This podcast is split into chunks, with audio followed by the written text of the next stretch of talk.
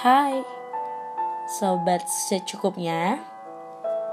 Sekarang kita ada di episode keempat. Wow, nggak kerasa ya kalau udah empat episode aja nih kita bareng-bareng di podcast ini. Um, kali ini topiknya dari salah satu pendengar setia podcast secukupnya. Judulnya Malu Kaku Bisu. Kira-kira teman-teman semua kalau dengar kata malu, kaku, bisu itu refleksnya ke mana coba? Malu itu sendiri kan rasa di mana kita enggan mengakui karena tahu ada kekurangan. Kaku itu adalah hasil dari malu yang terjadi di kondisi pada saat itu. Akhirnya hanya terdiam dan membisu.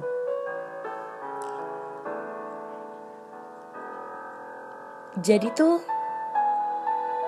ada sesuatu yang diciptakan oleh Tuhan di dunia ini yang selalu jadi musuh manusia.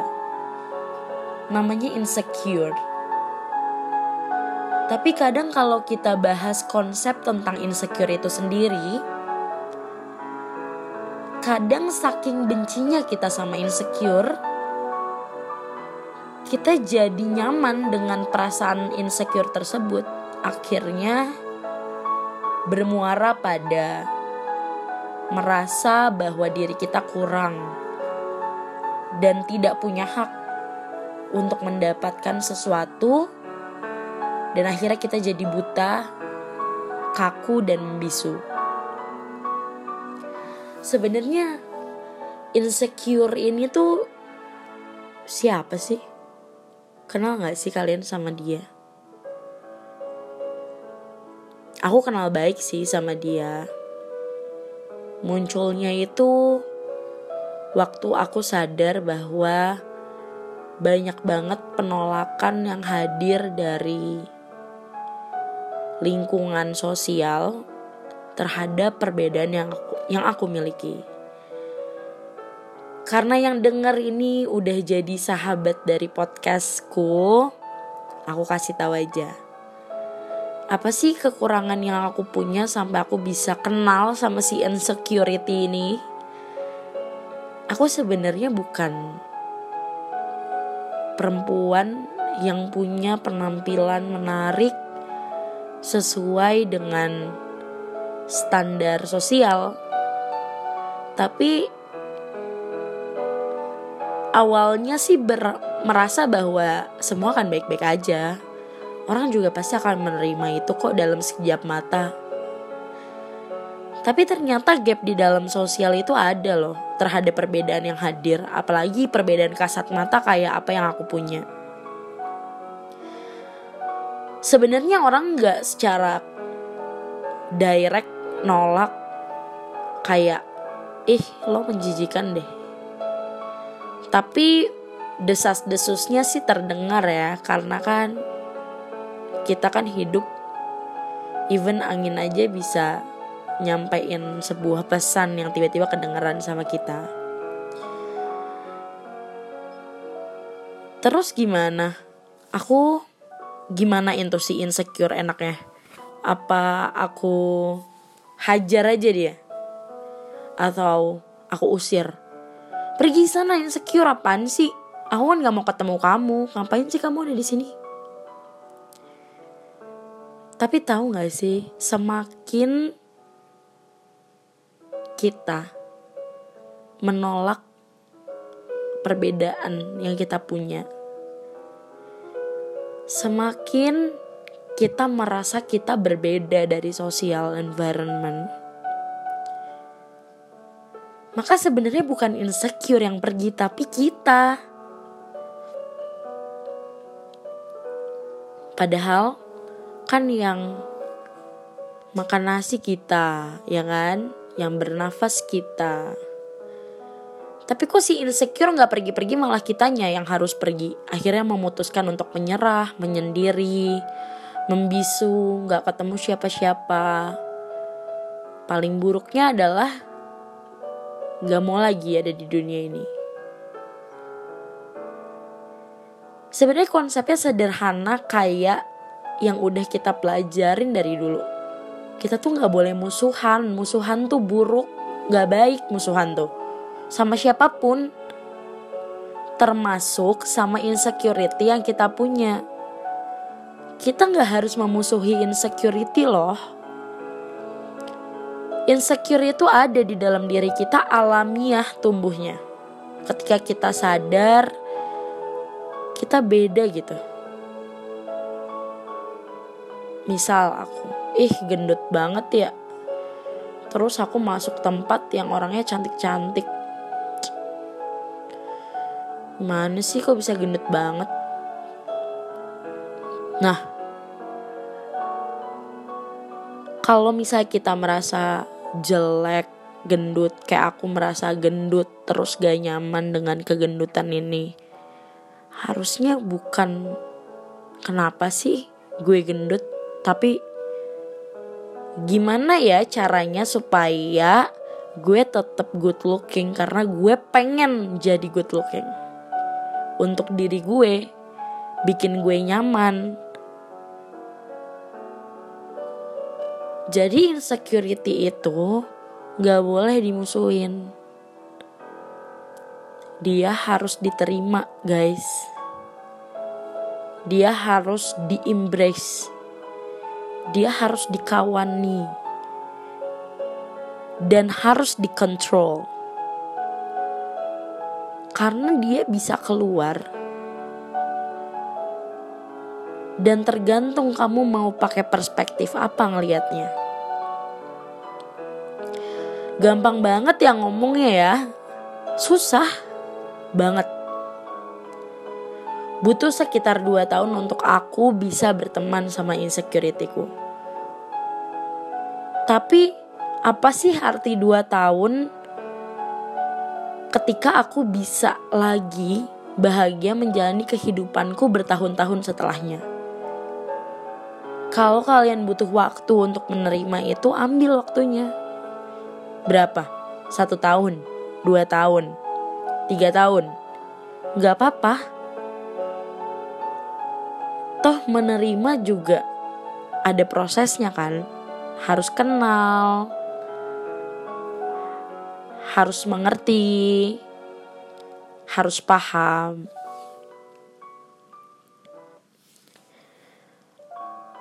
Obat dari insekuritas itu bukan baca buku banyak-banyak dan abis itu lupa obatnya ya diri kamu. Masih mau dikontrol sama insecurity-mu? Atau mau mengkontrol insecurity-mu agar lebih bisa jadi motivasi kamu buat maju? Semuanya itu dari diri kamu. Sahabat, keluarga, kakak, adik, pacar. Itu mereka semua external factors. Mereka bisa kasih tahu kamu pilihan banyak banget. Tapi kan yang jalanin kamu, yang pilih kamu.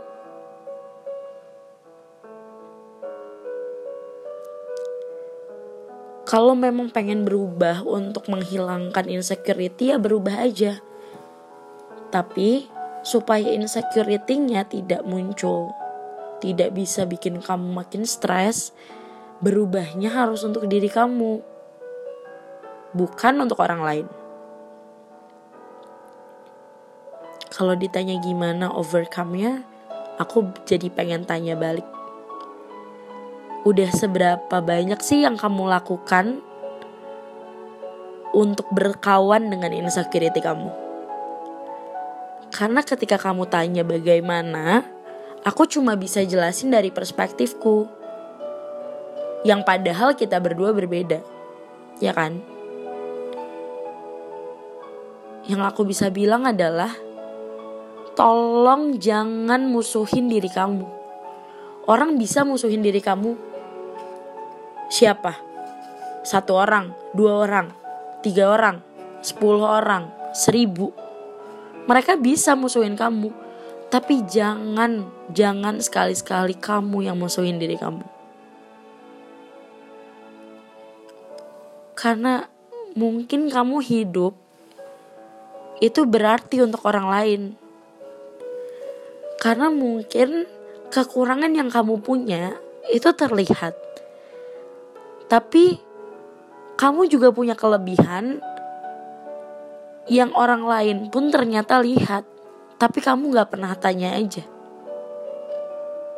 Karena kan kita terlalu sibuk lihat kekurangan kita.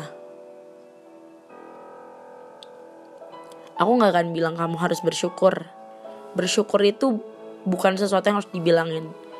Itu adalah sesuatu yang harusnya udah ada di dalam diri kamu. Yang aku mau bilang adalah, ayo tentuin.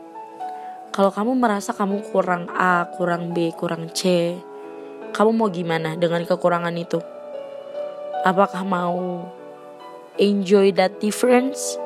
Then go with it ataukah ingin improve untuk mengurangi kekurangannya tapi harus untuk diri kamu then go with it too kalau aku keadaannya gimana ya sekarang I'm happy with what I am tapi sudah coba mulai berubah tapi nggak ingin untuk jadi cantik di depan orang-orang karena nggak ada habisnya loh pengen muasin orang tuh. Ya kan?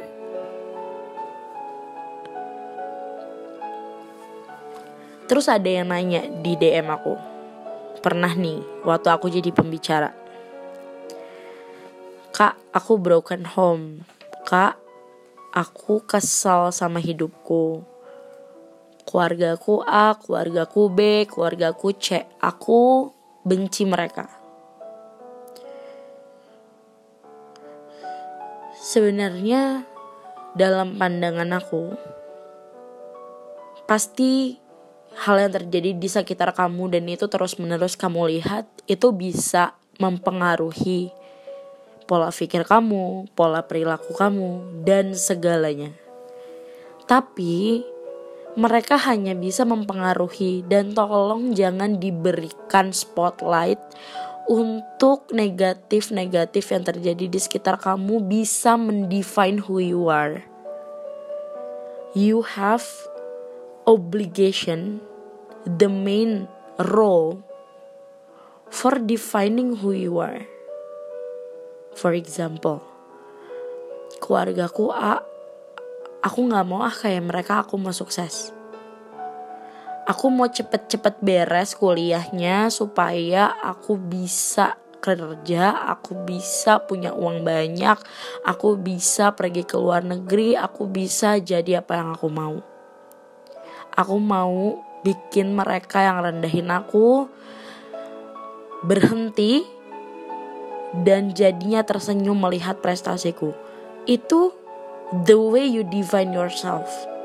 Itu the best way to pay everything negativity that happen in your life bukan jadinya udahlah aku nggak guna hidup di dunia ini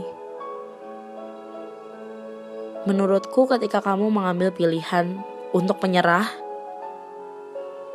justru yang merugi adalah diri kamu dan aku yakin sebetulnya keputusan untuk menyerah itu bukan keputusan yang kamu mau itu hanya ketika kamu selalu memikirkan keburukan yang akan terjadi dan padahal itu baru ekspektasi, itu baru opini kamu, belum kenyataannya. Jadi coba. Hal pertama, tolong banget tolong, tolong jangan sembunyi lagi. If you have something that broken, everywhere inside you or outside you it's fine. You wanna tell story to person that you closest with it's fine. Or you wanna write down it on several papers to let it go do it. Or you better just keep quiet and just listening to music to express your feeling take it.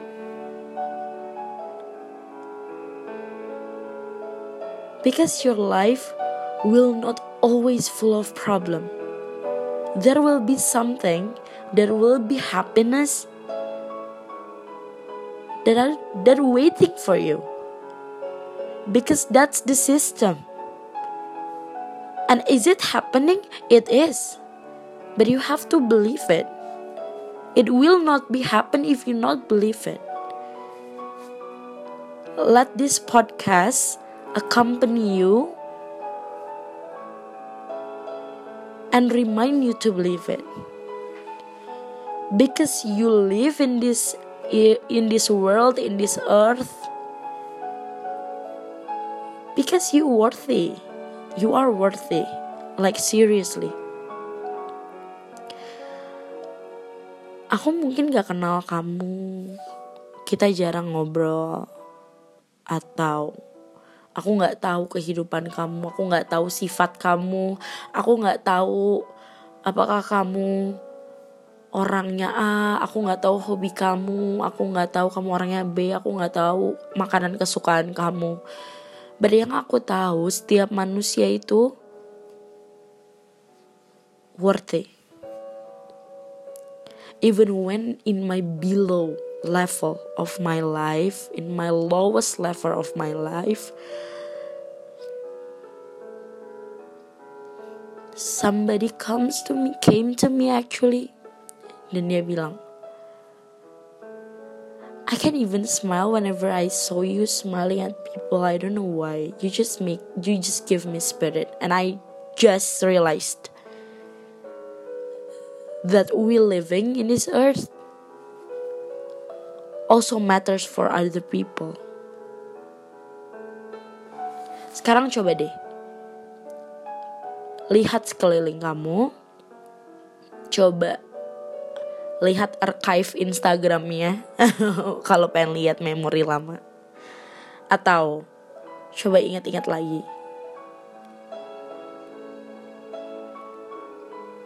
Pasti ada seseorang yang pernah kamu bantu atau at least kamu buat happy dan kamu tuh sudah jadi suatu arti di hidup dia. Kalau bahkan orang lain bisa memaknai hidup kamu, why why cannot you do it? You also have to believe.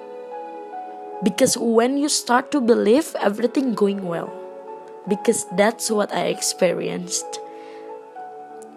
Kembali lagi kepada aku nggak memaksakan kamu ikut pemikiranku. Tapi yang aku share di podcast ini is something yang aku udah alami. Jadi